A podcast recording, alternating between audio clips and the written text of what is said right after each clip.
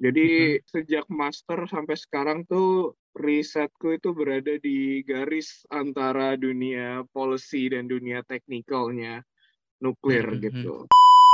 Teknologinya nggak jahat, perspektif kita yang mungkin iya.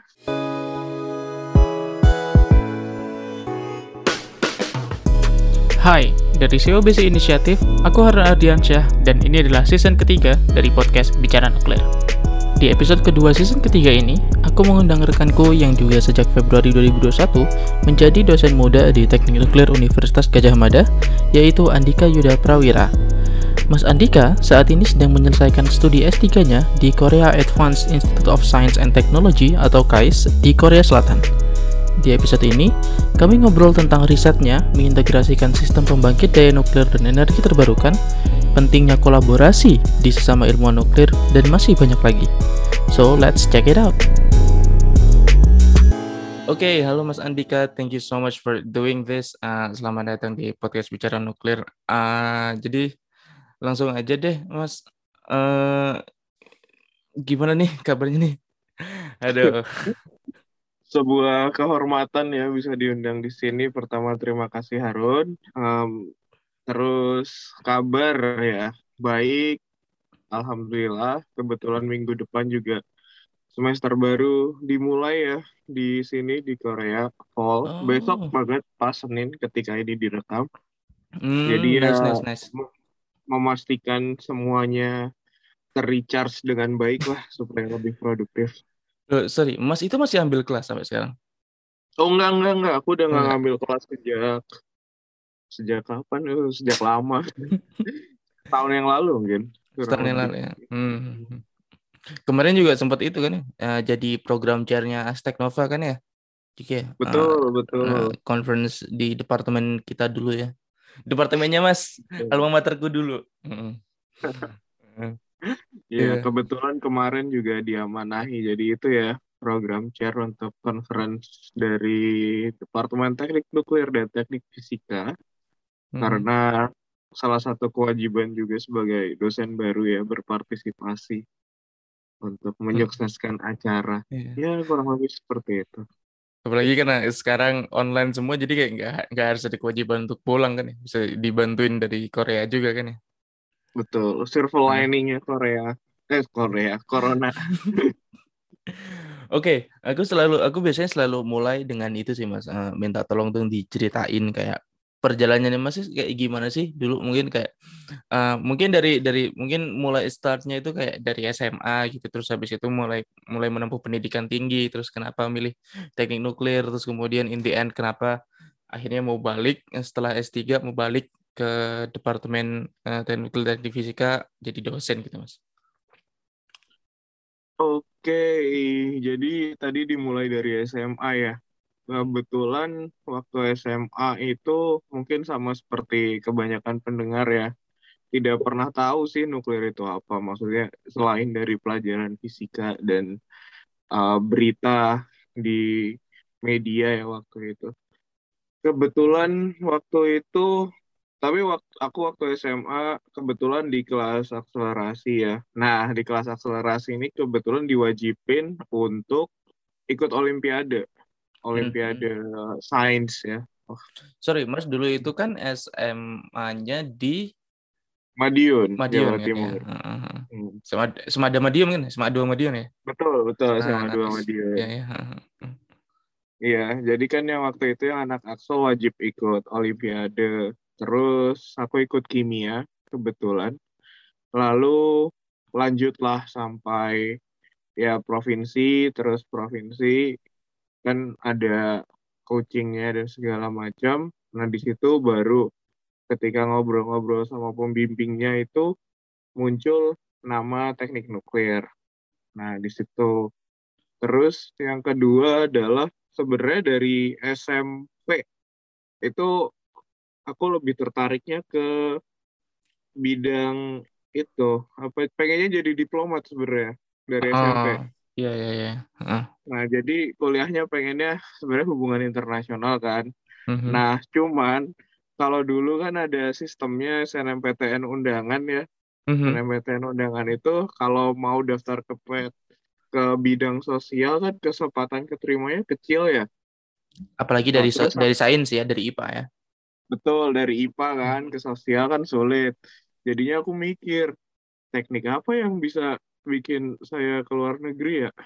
Nah, apa ya gitu. Terus nyari-nyari, terus ada tuh Kebetulan waktu itu beritanya juga banyak tentang Fukushima ya, Mas. Sampai di TV juga kan, 2011. Oh iya, pas itu pas itu Mas masih SMA ya. SMA kelas 2 bukan ya? SMA kelas 11-an lah 11, kurang lebih. Itu terus kayak hmm, sepertinya isunya sangat internasional.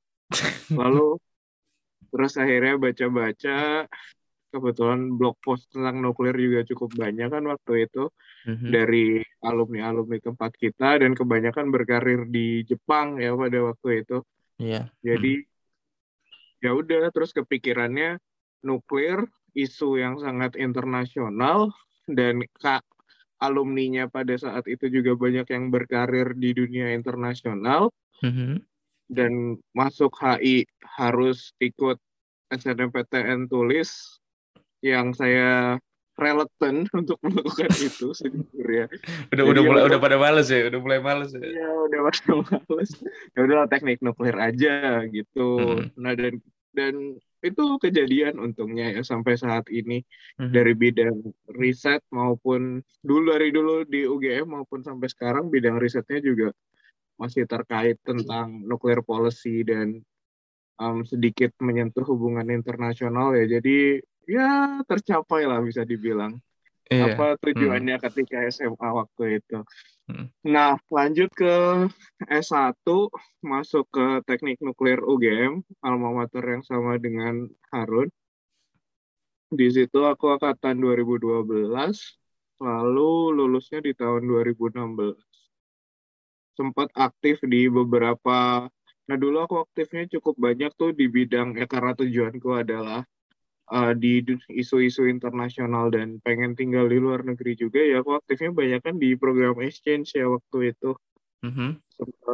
yang ke programnya Tokyo Tech itu lalu sempat ikut bantuin beberapa program juga. Nah di kantor situ, internasional tuh ya? Di KUI hmm, itu ya?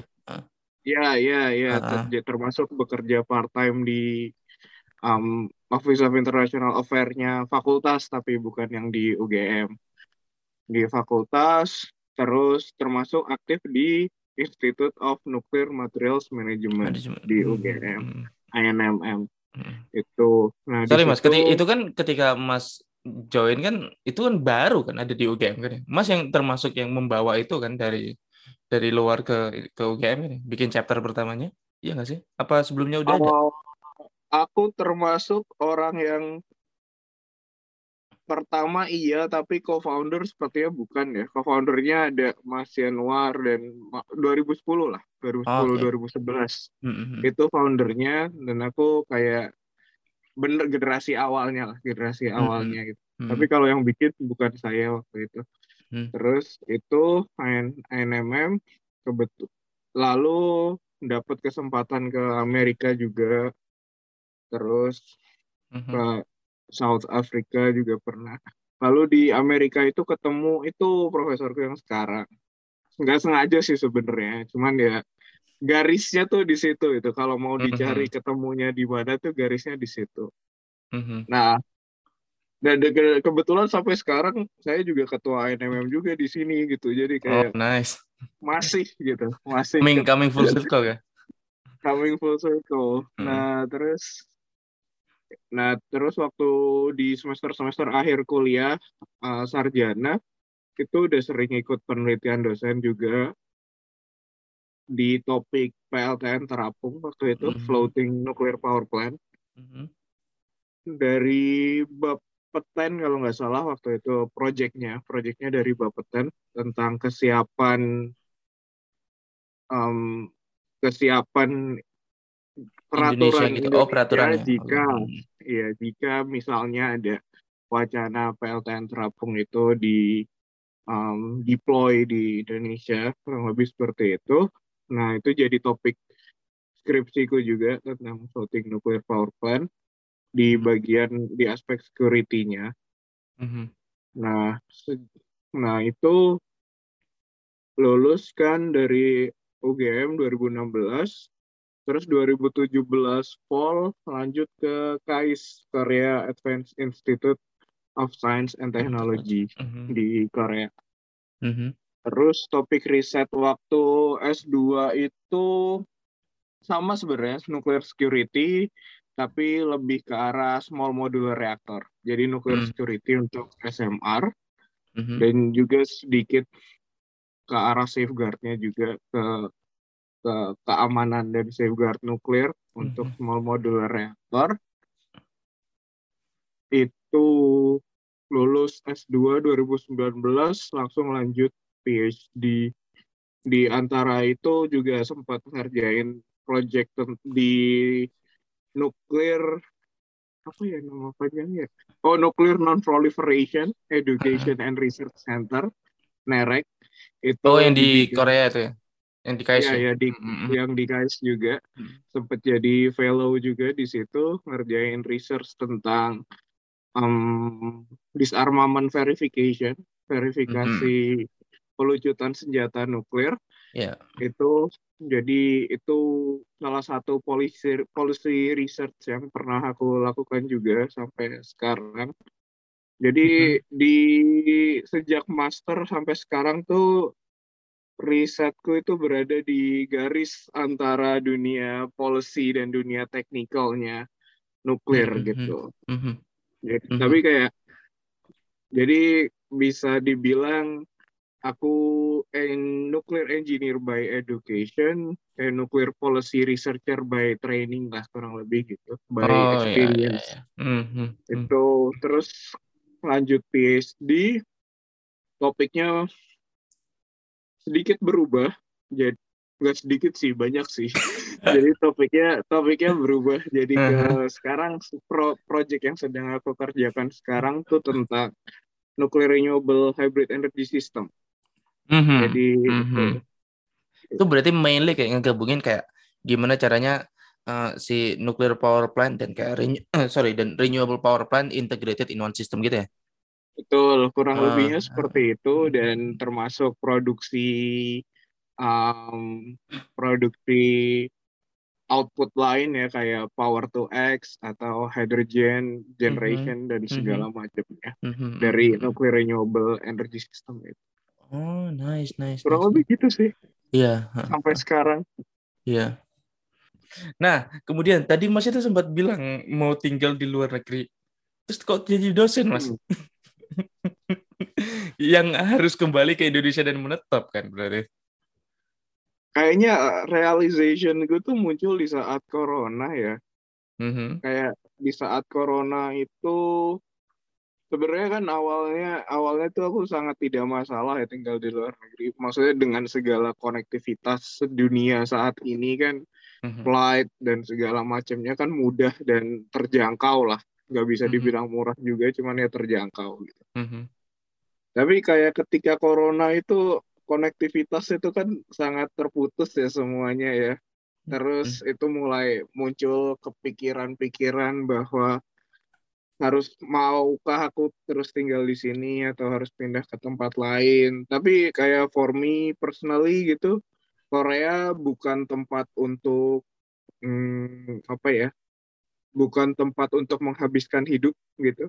Berkarir hmm. mungkin, bekerja mungkin, menghabiskan hidup tidak gitu. Hmm. Jadi jadi kurang lebihnya seperti itu sih. Lalu ke waktu itu ada tawaran juga dan ya itu tadi silver silver liningnya gara-gara corona juga ya jadi kayak semua mm-hmm. proses um, apa namanya proses rekrutmen dan semuanya jadi online kan uh, iya. jadinya aku itu, bisa ikut mm-hmm. dengan mudah sih jadinya itu sih alasannya jadi lebih ke realization bahwa di mana sih aku mau menghabiskan hidupku gitu dan mm-hmm. dan emang ada keinginan ya buat ngajar dan ke uh, the stars align gitu jadinya ya mm-hmm. pas momennya juga ketika galau-galaunya ketika konektivitas hubungan antar manusia terputus tuh ada kesempatan itu ya ya udahlah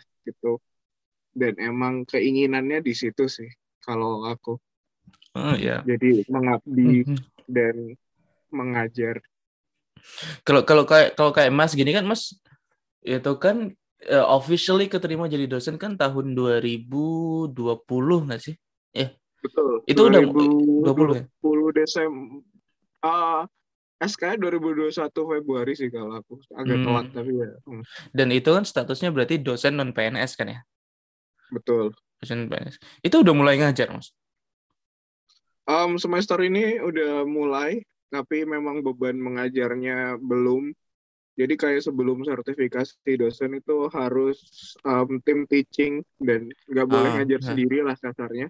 Mm-hmm. Itu jadi semester ini udah mulai ngajar perancangan sistem nuklir sama sama Mas Rizky, Rizky juga oh. sama Rizky juga bareng itu dan aku sampai sekarang masih kagok nyebut Rizky pakai Pak Rizky ya entah kan ya karena teman sendiri teman seangkatan sendiri gimana ya makanya itu terus harusnya yeah. ngajar tentang fusi juga tapi kelasnya batal ya, karena, karena sedikit yang minta Iya, oh, iya. karena sedikit yang minta. Tapi itu sih udah mulai ngajar. Kenapa juga? Karena harusnya kan, maksudnya bukan harusnya siapa ya. Idealnya atau biasanya itu kan mm -hmm. keterima. Kalau bagi yang ijazahnya S2 seperti aku dan Rizky ya, itu kan keterima terus di UGM sekitar satu atau dua tahun, lalu S3. tugas belajar kan mm -hmm. S3 Enggak, kalau SK-nya adalah tugas belajar itu emang tidak boleh mengajar dan tidak boleh terlibat di kegiatan di departemen. Nah, tapi karena aku dan Rizky itu ongoing, jadi izinnya tuh izin belajar, bukan tugas belajar. Jadi tetap harus ada beban untuk mengajar itu. Mm -hmm. Jadi gitu Menarik gitu ya? sih, udah hmm. mulai, udah mulai. Hmm. Menarik ya, aku pikir itu tim teachingnya itu sama dosen senior gitu loh itu itu sama-sama oh, sama-sama kuliah. Ada, ada seniornya juga Pak Sihana, Pak Dokter oh, Sihana. Berarti dosennya tiga di satu mata kuliah itu. Dosennya tiga di satu mata nice, kuliah. itu itu combo sekali. Dua SKS kan padahal. Tiga kalau nggak salah. Tiga. Ya? Tiga tiga SKS oh. ya. Iya. Combo sekali itu. Gantian lah. Hmm. Nah, Mas, uh, gini, aku mau aku mau switch topik gini, Mas.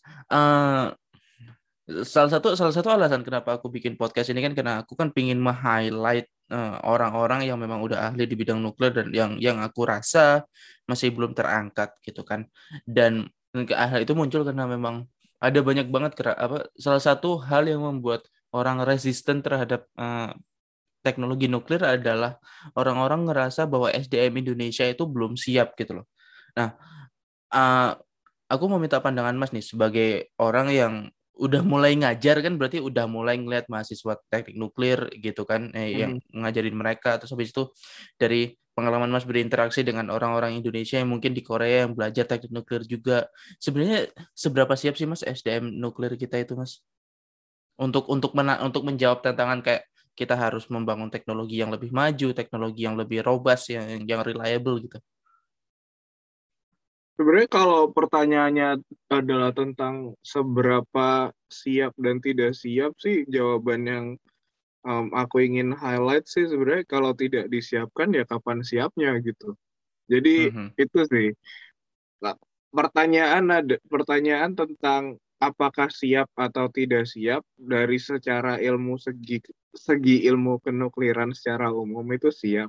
Tapi kan dari segi, segi desain khusus untuk satu um, misal PLTN yang ingin dibangun itu kan itu juga butuh apa ya knowledge transfer dari manufakturernya dan segala macam ya. Kalau mm -hmm. itu kan mm -hmm. di next stepnya gitu. Yeah. Nah kalau mm -hmm. itu ya ya balik lagi ke masing-masing sih. Maksudnya dalam artian desain mana yang dipakai lalu skema financingnya gimana lalu skema pembangunannya gimana. Tapi kalau secara umum siap atau tidak siap? Jawabannya siap. Tapi emang masih perlu disiapkan lebih lanjut. Maksudnya persiapan itu tidak berhenti gitu. Hmm, hmm, hmm. proses continuing proses dan yang yang lebih menjadi highlight itu kan bukan tentang trainingnya secara umum tapi kalau misalnya udah menyentuh satu teknologi tertentu ya fokusnya ke situ gitu kan karena mungkin kita belum punya pengalaman mm-hmm. di sisi manufakturnya gitu ya. Yang Betul dan dari segi teknologi transfer kan juga yang smooth ada ada case study-nya yang nggak smooth banyak case study-nya. hmm, Jadi yeah, ya yeah. Iya. itu sih salah satu concern mungkin ya yang bisa disebut dari segi hmm. siap tidak siap itu. Hmm.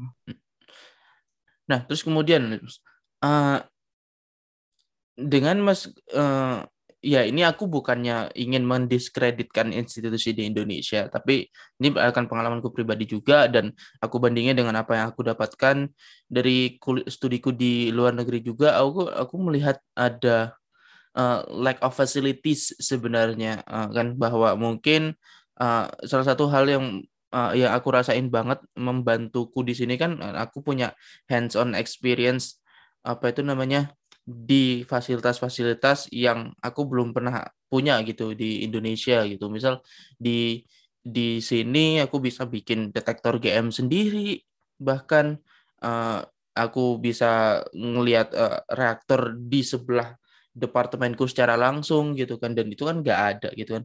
Uh, dan dan sebagai calon dosen tentunya fasilitas fasilitas kayak gitu kan pasti akan sangat menunjang gitu kan. Tapi dengan lack of facilities yang kita punya uh, gimana pandangan Mas? Atau mungkin pertanyaan pertamanya apakah menurut Mas di Indonesia itu sebab untuk untuk dalam dalam concern pengajaran ya itu kita lack of facilities gak sih Mas? Atau atau sebenarnya cukup-cukup aja gitu Sebenarnya kalau masalah fasilitas ini menurutku lebih ke masalah perspektif aja sih. Maksudnya perspektif emang tujuannya mau ke mana dan jika ingin mencapai tujuan itu tuh fasilitas apa yang dibutuhkan gitu. Nah hmm. untuk untuk masalah um, fasilitas ya untuk nuclear newcomer country sebenarnya aku banyak belajar dari melihat um, melihat apa ya yang dilakukan um, Dr. Doni Hartanto ya di UAE. Hmm, itu kan beneran ya salah satu narasumber di podcast ini juga itu. Hmm itu juga kan beliau banyak melakukan kerjasama dengan institusi-institusi lain untuk well simulator dan segala macamnya dan mm -hmm. itu juga menurutku pribadi adalah way to go-nya ke situ gitu way mm -hmm. to go-nya menurutku untuk mengatasi masalah fasilitas yang mungkin emang apa istilahnya uh, belum optimal hingga saat ini itu way to go-nya itu kolaborasi sih menurutku. Jadi yang mm-hmm. yang dengan kita kita yang men menimba ilmu di luar itu bisa mungkin ya membuka jalur gitu agar bisa mem membuka apa ya sarana praktikum misalnya atau sarana sarana hmm, pengajaran Mm-hmm. metode-metode yang digunakan atau fasilitas-fasilitas yang ada itu bisa bisa setidaknya 70-80 persen ilmunya bisa tersalurkan gitu. Hmm. Dari segi aku seperti itu karena emang emang pengadaan kan bukan sesuatu yang mudah ya, tapi kalau dari segi karena kita juga karena corona juga kita sudah mulai terbiasa dengan virtual thingy and, mm-hmm. collaboration. Jadi menurutku way to go-nya di situ sih kalau untuk masalah fasilitas emang memang belum optimal tapi untuk ke arah sana ke arah sana nggak harus berjuang sendiri itu sih. Ah iya iya iya. Ya tapi yang aku aku pingin highlight juga itu kan kayak uh, bidang risetku gitu mas. Atau itu bidang aku nggak tahu sih apakah bidang riset mas juga akan membutuhkan sarana komputasi yang banyak banget gitu kan. Dan uh, aku nggak tahu ya apakah apakah kayak at least yang yang yang aku punya concern di bidang komputasi adalah salah satu penyebab uh, kenapa nggak nggak apa itu namanya risetnya nggak terlalu apa itu namanya menurutku catch up-nya itu kurang cepat sama yang ada di luar mungkin di bidangnya itu karena lack of lack of facilities yang utamanya yang computation sih makanya kan uh, itu itu yang ya mungkin benar kolab kolaborasi cuman uh, apa ya cari cari peluangnya untuk berkolaborasi itu kan yang yang juga masih menjadi apa itu namanya kesulitan kendala. juga untuk sekarang iya kendala hmm. Oke. Okay. Tapi ya itu, hmm, sih aku aku juga setuju poin hmm. poinnya Harun di mana untuk men, untuk sesuatu yang sifatnya esensial itu emang harus punya. Hmm. Hmm. Di situ poinku. Iya. Alright. Uh, switch lagi nih mas. Uh, ini ini balik ke personalnya lagi mas. Uh, aku mau aku mau ngobrolin tentang itu sih. Tadi mas udah sempat sentuh tentang riset-risetnya Mas selama ini kan dari dari S1 S2 terus kemudian switch ke di S3 yang mungkin agak baru gitu kan uh, risetnya. Boleh dikasih tahu uh, agak lebih detail gak sih Mas kayak apa yang apa yang selama ini untuk untuk uh, risetnya itu Mas lakukan gitu? Hmm, untuk riset ya yang macam-macam sih sebenarnya. Tapi kalau balik dari nuclear security dulu ya, kalau mm -hmm. nuclear security itu aku sempat melakukan um, kajian um, semacam inventory itu untuk faktor-faktor resiko floating nuclear power plant itu satu. Mm -hmm. Nah itu itu yang untuk skripsi um, bukan sih? Iya itu yang yeah. untuk skripsi. Uh -huh. Lalu untuk yang S2 itu uh, Bayesian network untuk security analysis untuk SMR. Nah, hmm. kenapa kenapa diperlukan security analysis untuk SMR sendiri? Simple sebenarnya untuk membandingkan bagaimana SMR itu sistem security-nya jika dibandingkan dengan large reactor. Kenapa? Mm -hmm. Apabila kita menggunakan prinsip nuclear security yang sama, itu cost-nya itu tentu nggak nggak apa ya namanya nggak korespon gitu. Mm-hmm. Jadi dari segi cost pasti akan sangat membebani, terutama dari segi um, guard dan segala dan infrastruktur keamanan lainnya. Jadi diperlukan mm-hmm. analisis untuk mengetahui lah gimana mm-hmm. Dan di mana saja pos-pos keuangan itu bisa dikat. Dan ini mm-hmm. juga sebenarnya bukan topik yang apa bukan topik yang um, hmm. bukan cuma saya yang ngerjain lah gitu kasarnya. Oh, itu. Kayak hmm. di US juga kayak di IDA National Lab itu kan juga ada Light Water Reactor Sustainability Program. Hmm. Itu juga salah satu salah satu tujuan dari research group itu adalah cost cutting dari segi security dari power plant ya. Oh, Jadi iya, iya, itu see, see, Hmm. Jadi kayak cost-nya itu gambarannya kan dari security itu um, operation and maintenance itu kira-kira 30-an persen gitu dari nuclear power plant dan security itu bisa nyentuh dari paling sekitar 40 persen dari total 30 persen itu. Dan itu nggak sedikit gitu itu di angka yeah. puluhan million dollars gitu. Hmm. nah itu jika itu ditempatkan di SMR tentu itu akan sangat memberatkan ya. Apalagi SMR kan salah satu jargon jargon yang dikembangkan kan adalah murah. Itu dia dan, dan reliability-nya. Dan, dan reliability-nya tidak berubah gitu. Jadi ya hmm. itu sih kalau security konsep yang diterapkan masih sama ya tentu murahnya jelas hmm. uh, tidak akan tercapai kurang hmm. lebih seperti dari okay. security termasuk safe belakangan juga ke integrated safeguardnya juga mm-hmm. itu itu sorry mas uh, yang ke situ dulu deh itu berarti kayak proses proses melakukan risetnya itu kalau yang aku bayangin tuh kayak kayak pakai Bayesian method berarti more or less kayak kayak probability risk assessment berarti ya? Kayak kurang lebih ya. Kurang lebih ya? Uh. dari situ dari situ mungkin kita lihat uh, resiko mana yang mana yang sangat kecil sehingga security-nya apa nggak perlu diurus yang yang lebih dominan yang perlu kita urus. Gitu kali ya? Hmm. iya ya secara kasar gambarannya kayak gitu. Conditional hmm. probability nentuin di setiap spot-spotnya.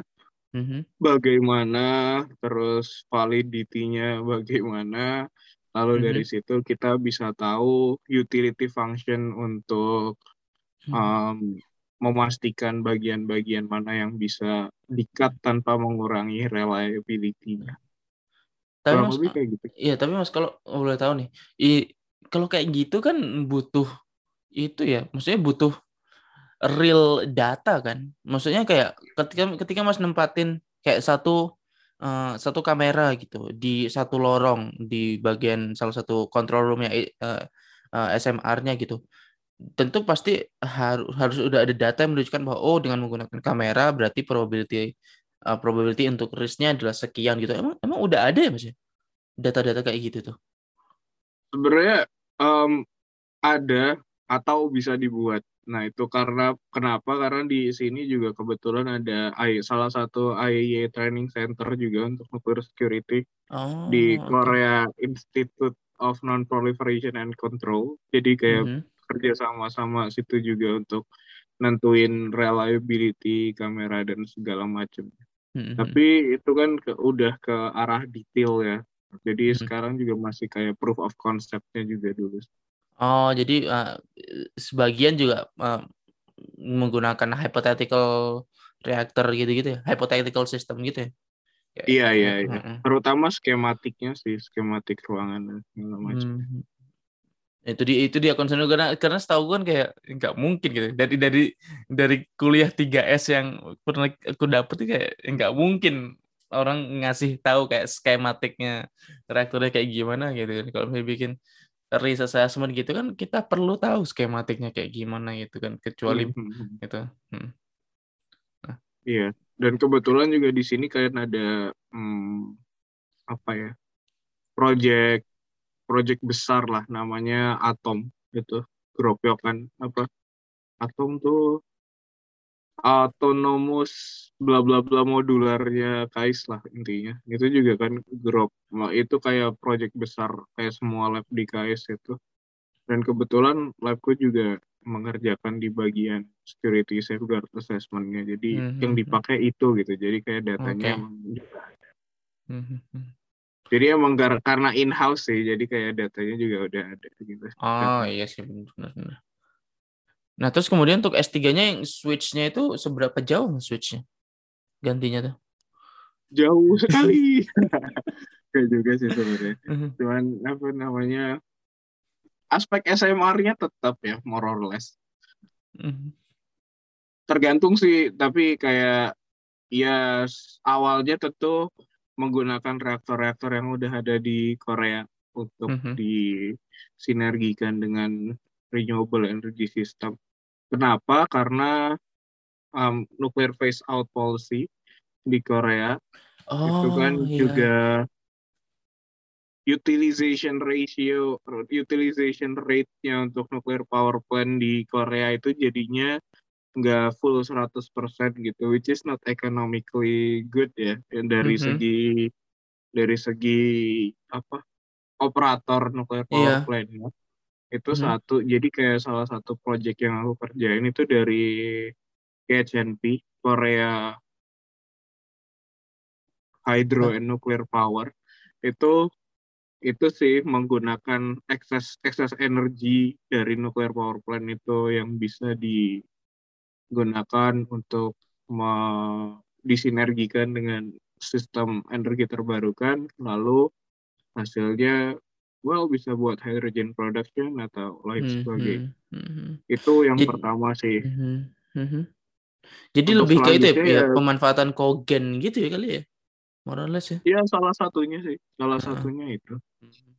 Tapi tetap apa ya istilahnya ya paradigmanya mencoba shifting ke arah bagaimana kita bisa mengutilize every little bit of electricity generated gitu lah biar karena electricity karena sorry, mau electricity generated atau heat generated dari nuclear power plant dia utilize electricity-nya karena okay. kenapa gitu karena untuk sistem heatnya tentu kita butuh um, ya secondary system tambahan itu satu mm -hmm. dan -hmm. secara regulasi itu nggak nggak viable lalu yang kedua adalah dari dark curve apa Dakraf penggunaan energi kan di di Korea sendiri tuh excess electricity itu sebenarnya juga masih lumayan gitu sisaan hmm, hmm. sisaan dari karena di sini sistemnya sentral sih Ron. jadi oh. kayak semuanya dikumpulin di satu um, karena Korea juga lokasinya kecil ya semuanya dikumpulin di satu central power grid gitu dalam bentuk -huh. electricity baru disalurkan Nah, di situ hmm. ternyata excess electricity-nya menurut hasil riset kami emang masih lumayan gitu. Dan excess electricity kan tanpa energy storage system ya. Dan energy storage system ya ngapain gitu jika segede itu juga buat apa gitu. Nggak nggak economically viable juga. Jadinya hmm. kami pakai excess electricity dari situ sih. Untuk, oh, untuk dipindah ke apa fungsi lain gitu ya? Fungsi hmm. lain ya yeah. Menarik sih mas. Aku sempat baca beberapa berita sih uh, bahwa yang, yang tadi aku mau bahas tentang nuclear phase out yang di Korea itu kan. Dan sekarang itu udah udah jadi ranah politik kan ya itu. Aku lihat aku aku lihat di beberapa berita kan kayak ada ada apa kayak beberapa presidential candidate yang kayak ngebawa ini sebagai salah satu program mereka gitu dan aku aku pingin tahu deh mas sebagai orang yang udah di Korea dan ngurusin polisinya juga tentang nuclear phase out itu gimana sih mas? Ini sebenarnya agak, boleh cerita agak, hmm. bisa sih, cuman agak dalam artian betul itu tadi salah satu digunakan sebagai salah satu agenda politik hmm. dari ke presidennya sekarang sih Moon Jae-in dan sebenarnya dia agak lucu sih salah satu um, apa ya istilahnya ya salah satu kenapa beliau bisa anti nuklir itu itu dulu pernah ada speechnya itu. Jadi di Korea itu ada film namanya Peninsula kalau nggak salah. Mm -hmm. judulnya kalau nggak salah Peninsula mungkin aku salah. Itu tentang ya kayak Fukushima kayak kejadian jika Fukushima terjadi di Korea gitulah gitu. Oh damn. Kayak Aduh. Nah itu kayak gitu. Aduh. Nah itu tuh sebenarnya sebenarnya ada apa ya istilahnya ya ada advisor gitu dari nuklir um, engineer dari salah satu profesor di sini gitu ada advisornya buat film itu tapi -hmm. kayak advice-nya tentu tidak bombastis ya kalau nuklir power plant apa um, semisal ada kecelakaan jika safety function-nya berjalan sedemikian rupa kan tidak bombastis ya. Kurang gimana gitu ya kurang apalagi ini untuk ya. untuk konsumsi drama gitu kan untuk TV untuk drama konsumsi gitu. film populer ya. Nah yeah. itu kan. Jadinya advice-nya tidak didengarkan jadinya dibuat sedramatis mungkin. Terus itu di salah satu speech Faisal tuh disebut film itu. Katanya Pak Presidennya tuh menangis menonton film ini dan oh, melihat nuklir itu ya itu salah satu mudorotnya kurang lebih seperti itu jadi film itu tuh cukup berjasa besar nggak besar juga sih tapi ya ada pengaruhnya juga untuk mm-hmm. menentukan kebijakan populer ya mm-hmm. di sini tapi um, iya jadi kebijakan phase out itu sebenarnya agak aneh sih kalau dari segi yang maksudnya as a, as an observer ya as an observer hmm. itu di mana Korea tidak akan menambah nuclear power plant baru dan yang sekarang sedang running itu akan dilanjutkan sampai, sampai waktu decommissioningnya Iya, hmm. sampai waktu decommissioningnya. Tapi kita tidak mau berhenti untuk mengekspor nuclear power plant like nah itu, itu kayak dia. dua dua hal yang dua hal yang cukup kontrarian ya cukup mm -hmm. kontra mm -hmm. contrary to the other facts itu mm -hmm. satu lalu yang kedua adalah nah untuk beberapa project yang emang sedang dilanjutkan itu sempat sempat beberapa ada misal sin sin wall sin sin kori Finkori unit yang paling baru dan Shin Wolsong itu kan sedang berjalan ketika policy ini um, diteken lah gitu. Mm-hmm. Itu juga setelah dilakukan deliberation dan voting dari masyarakat dan dan pihak-pihak terkait itu juga akhirnya semuanya dilanjutin gitu constructionnya gitu karena mempertimbangkan uang yang udah keluar dan segala macam. Hmm, Jadi ini face out setengah hati sebenarnya. Saya kalau dibalikin juga hmm dibalikin juga warganya juga masih pro gitu. Mm-hmm. Ya adalah ya maksudnya ada sebagian sama lah gitu perdebatannya antara pro dan kontra. Cuman ya itu sih itu ada juga satu paper dari lab kami itu juga tentang the effect of deliberation on public perception. itu juga ada di mana di mana ada fakta-fakta lah tentang phase out policy ini dari hasil survei yang diberikan ke masyarakat terutama yang sekitar reaktor ya itu mm -hmm. sih mm -hmm. nah. jadi ya itu sih kalau yang misal yang dekat itu ada yang tergantung education backgroundnya tergantung gender gender juga berpengaruh oh, terhadap okay. kemungkinan pro dan kontra terhadap nuklir oh, lalu okay. banyaklah faktor-faktor yang yang mempengaruhi itu dari segi masyarakat ya. Tapi dari segi pimpinan ya fast out ini ya ya kita lihat di pemilu tahun depan. Oh pemilunya tahun depan ya? Oke okay, oke. Okay. iya, ada salah, ya itu itu emang ada satu ada satu yang incumbent yang memang anti nuklir dan satunya itu lagi apa lagi di lobby untuk pro nuklir gitu kah kondisinya? Aku penasaran sih tentang kondisi politiknya gitu enggak sih itu lebih ke bahwa nuclear power is always a conservative favorites Mm-hmm. Itu itu kayaknya udah fakta ya, di mana konservatif itu cenderung pro terhadap nuclear power. Pun di sini gitu. Di sini mm-hmm. juga di mana yang sekarang itu um, Moon Jae-in itu dari yang partai liberal itu di mana ya kebijakan populernya emang anti nuklir gitu. Tapi kalau dari segi partai konservatifnya emang emang emang mayoritas pro nuklir sih. Terutama karena konservatif kan cenderung dengan um, the old um, what do you say? Like the old conglomerates yang punya bisnis dan segala macam yang terkait dengan nuklir ya. Mm-hmm. itu satu sih. Mm-hmm.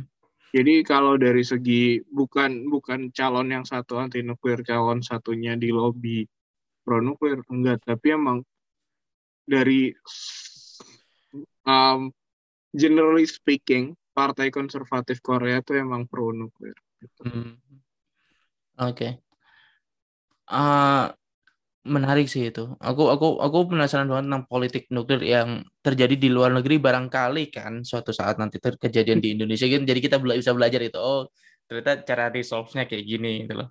Nah, tapi balik lagi Mas ke yang risetnya Mas yang tadi itu. Berarti uh, yang apa itu namanya? kalau yang berkaitan dengan bidangnya Mas itu yang integrated system dan integrated system antara nuklir dan renewables itu di apa itu namanya yang sekarang menjadi topik yang lagi hot banget itu yang kayak gimana sih Mas?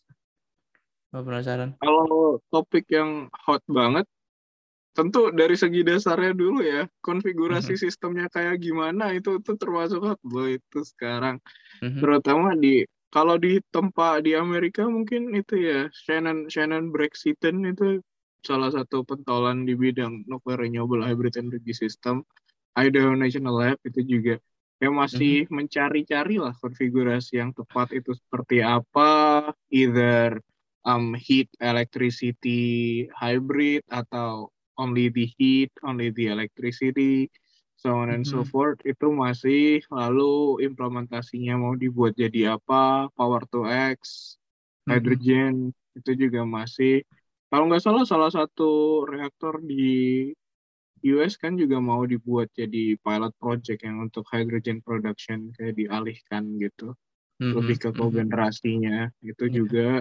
satu itu sih lebih dan um, cuannya gimana ekonomik ekonomik analisisnya hybrid energy yeah. system iya uh, yeah. uh, itu sih kalau aspek-aspeknya ya uh, tapi kebetulan um, nuclear renewable hybrid energy system sekarang tuh masih jadi apa ya mainannya negara-negara yang punya reaktor nuklir Oh, ya kalau iya. belum punya ya emang yang ngapain apa, gitu mikir kan. ya jadi kayak ya emang emang utilisasi bahwa ya itu sih economically speaking bahwa reaktor nuklir itu akan makin profitable jika bila jika um, dijalankan dengan maksim bukan maksimum ya apa ya recommended power outputnya gitu utility rate-nya itu sebisa mungkin mm -hmm. setinggi mungkin gitu soalnya ketika kamu menghasilkan 50 persen electricity atau 80 persen electricity itu duit yang digunakan untuk menghasilkan itu tuh hampir sama gitu loh. Jadi ketika outputnya lebih kecil dan nggak bisa digunain apa-apa ya merugi gitu dan yeah. uh-uh. di dunia yang mm. di dunia yang digerakkan dengan uang ini ya. dan iya. dan memang karena ya dan dan emang karena faktor safety memang uh, hampir nggak ada hampir nggak ada reaktor nuklir yang selalu menggunakan 100% nominal output ya, untuk beroperasi. Oh, itu itu tentu itu tentu hmm. ya. Hmm. Tapi kan di satu sisi kan kita juga nggak ingin itu berjalan 60% gitu kan kayak yeah. sedih gitu ya. ya terlalu terlalu rendah lah ya. Ya berarti yang berarti yang diincar itu berapa? Sekitar sekitar 90-an persen gitu kan. Yang yang iya, dimaksud ya, yang dimaksud gitu yang dimaksud supaya tidak tidak waste of resource itu berapa persen gitu? 90 persennya itu ya. 90 persen ya, dari nominal outputnya itu ya. Pertimbangkan regulasi dan licensing sih ya 90 persen aman sih. Hmm. Hmm. Maksudnya itu angka yang ideal quote unquote itu hmm. ya di angka segitu sih. Hmm. 90 sampai 95 persen. Hmm. Itu nah. yang economically paling visible ya menurut pribadi ya ya, ya. Hmm. oke okay. Uh, eh, aku mau aku mau masuk ke bagian akhir nih uh, tentang uh, balik lagi ke ke ke Indonesia gitu kan. Uh, dengan uh, ya ya kita kan karena kita lagi studi di luar negeri nih mas kita kan cuma bisa jadi observer ya terhadap apa yang terjadi di Indonesia gitu kan. Termasuk perkembangan teknologi nuklirnya di sini gitu. Nah uh, kalau menurut pandangan mas nih gimana uh, selama ini tuh gimana eh, perkembangan teknologi nuklir di Indonesia gitu. Bukan cuma reaktor mungkin uh, mungkin uh, bidang nuklir yang lain gitu. Apakah kita going to the right direction? As in kayak oh kita bisa makin memanfaatkan teknologi ini untuk kebaikan manusia untuk kebaikan masyarakat gitu. Atau atau apakah ada yang yang kurang yang perlu bisa kita tingkatkan gitu kalau menurut Mas. Um, kalau menurutku pribadi ya dari segi pemanfaatan dan peaceful use of nuclear energy, tentu um, Indonesia sudah semakin menggunakan dan semakin um, ke arah yang lebih baik itu tentu ya sampai saat ini. Cuman masalahnya balik lagi ke itu sih kita dari awal masuk ke teknik nuklir UGM atau apa itu taunya nah, adalah nuclear power for electricity ya. Jadi mm-hmm. kayak menurutku di samping kemajuan di segala bidang lain ya jika untuk electricity ini tidak dikebut tuh kayak sedikit apa ya menyalahi marwah institusi, marwah institusinya itu loh. Jadi kayak uh, itu sih.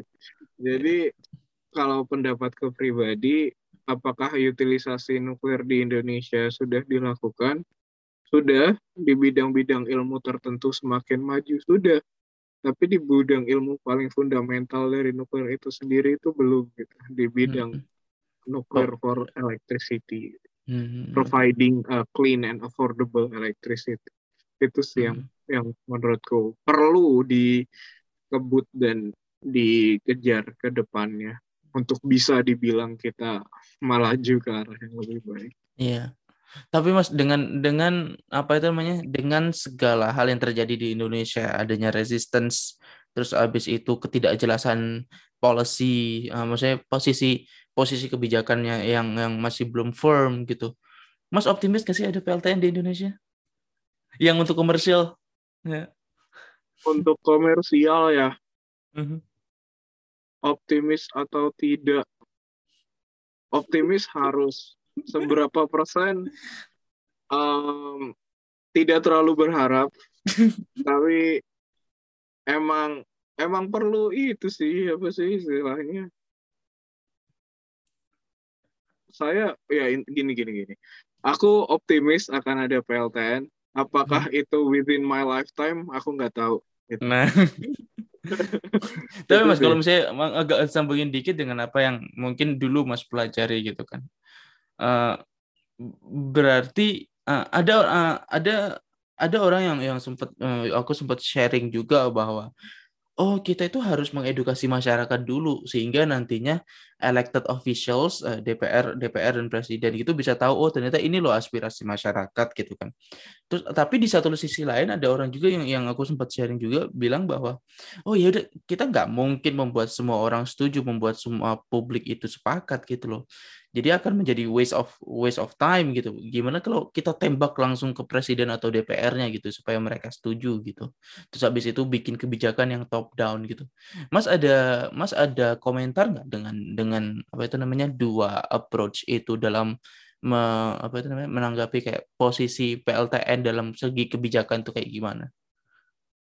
Um, dari pertama jika perdebatannya adalah top down and bottom up gitu dunia dunia yang sudah in a democratic world doing that is almost an impossible task gitu karena satu itu nggak nggak populer dan dua dan dua karena itu udah bukan way to go-nya gitu terutama mm -hmm. untuk untuk top down approach itu aku sangat pesimis akan hal itu. Itu satu. Mm -hmm. Terutama di Indonesia yang demokratis ya. Maksudnya mm -hmm. one of the largest democracy in the world.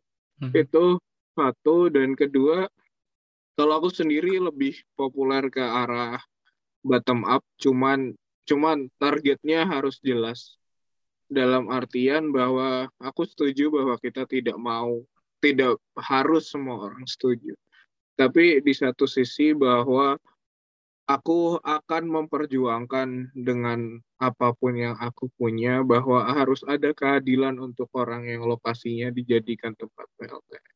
Mm-hmm, betul. Dari segi mm-hmm.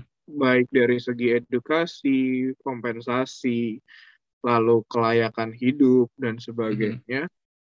Itu harus diperjuangkan dari situ. Itu juga di Korea juga modelnya salah satu yang dikembangkan adalah seperti itu termasuk di belahan negara lain ya kayak success story dari kesuksesan Swedia membangun um, nuclear waste disposal facility mereka itu adalah dengan cara mereka hidup bernampingan dengan masyarakat di dan itu nggak sebentar gitu loh mm-hmm. di masyarakat lokasi itu jadi aku lebih setuju dengan approach itu ya di mana bottom up bottom up approach mm-hmm. tapi emang targetnya itu udah harus jelas dulu gitu. Iya. Nah, di situ. Nah, di di sisi lain tentu dari segi pemangku kebijakan juga harus di diedukasi hmm, kah? Ya Apa istilahnya? Ya, diberikan um, bisikan yang pas lah gitu, yang ah. tidak mm tidak mendiskreditkan uh, nuklir gitu. Karena ya balik lagi lah teknologinya nggak jahat perspektif kita yang mungkin iya Nah, itu dia. itu akan jadi itu akan jadi quote dari podcast ini nih. Dan ini dan ini sangat oh, poin yang bagus banget untuk mengakhiri episode ini. Terima kasih banyak Mas Andika atas kehadirannya dan kita akan jumpa lagi di minggu depan. Bye bye.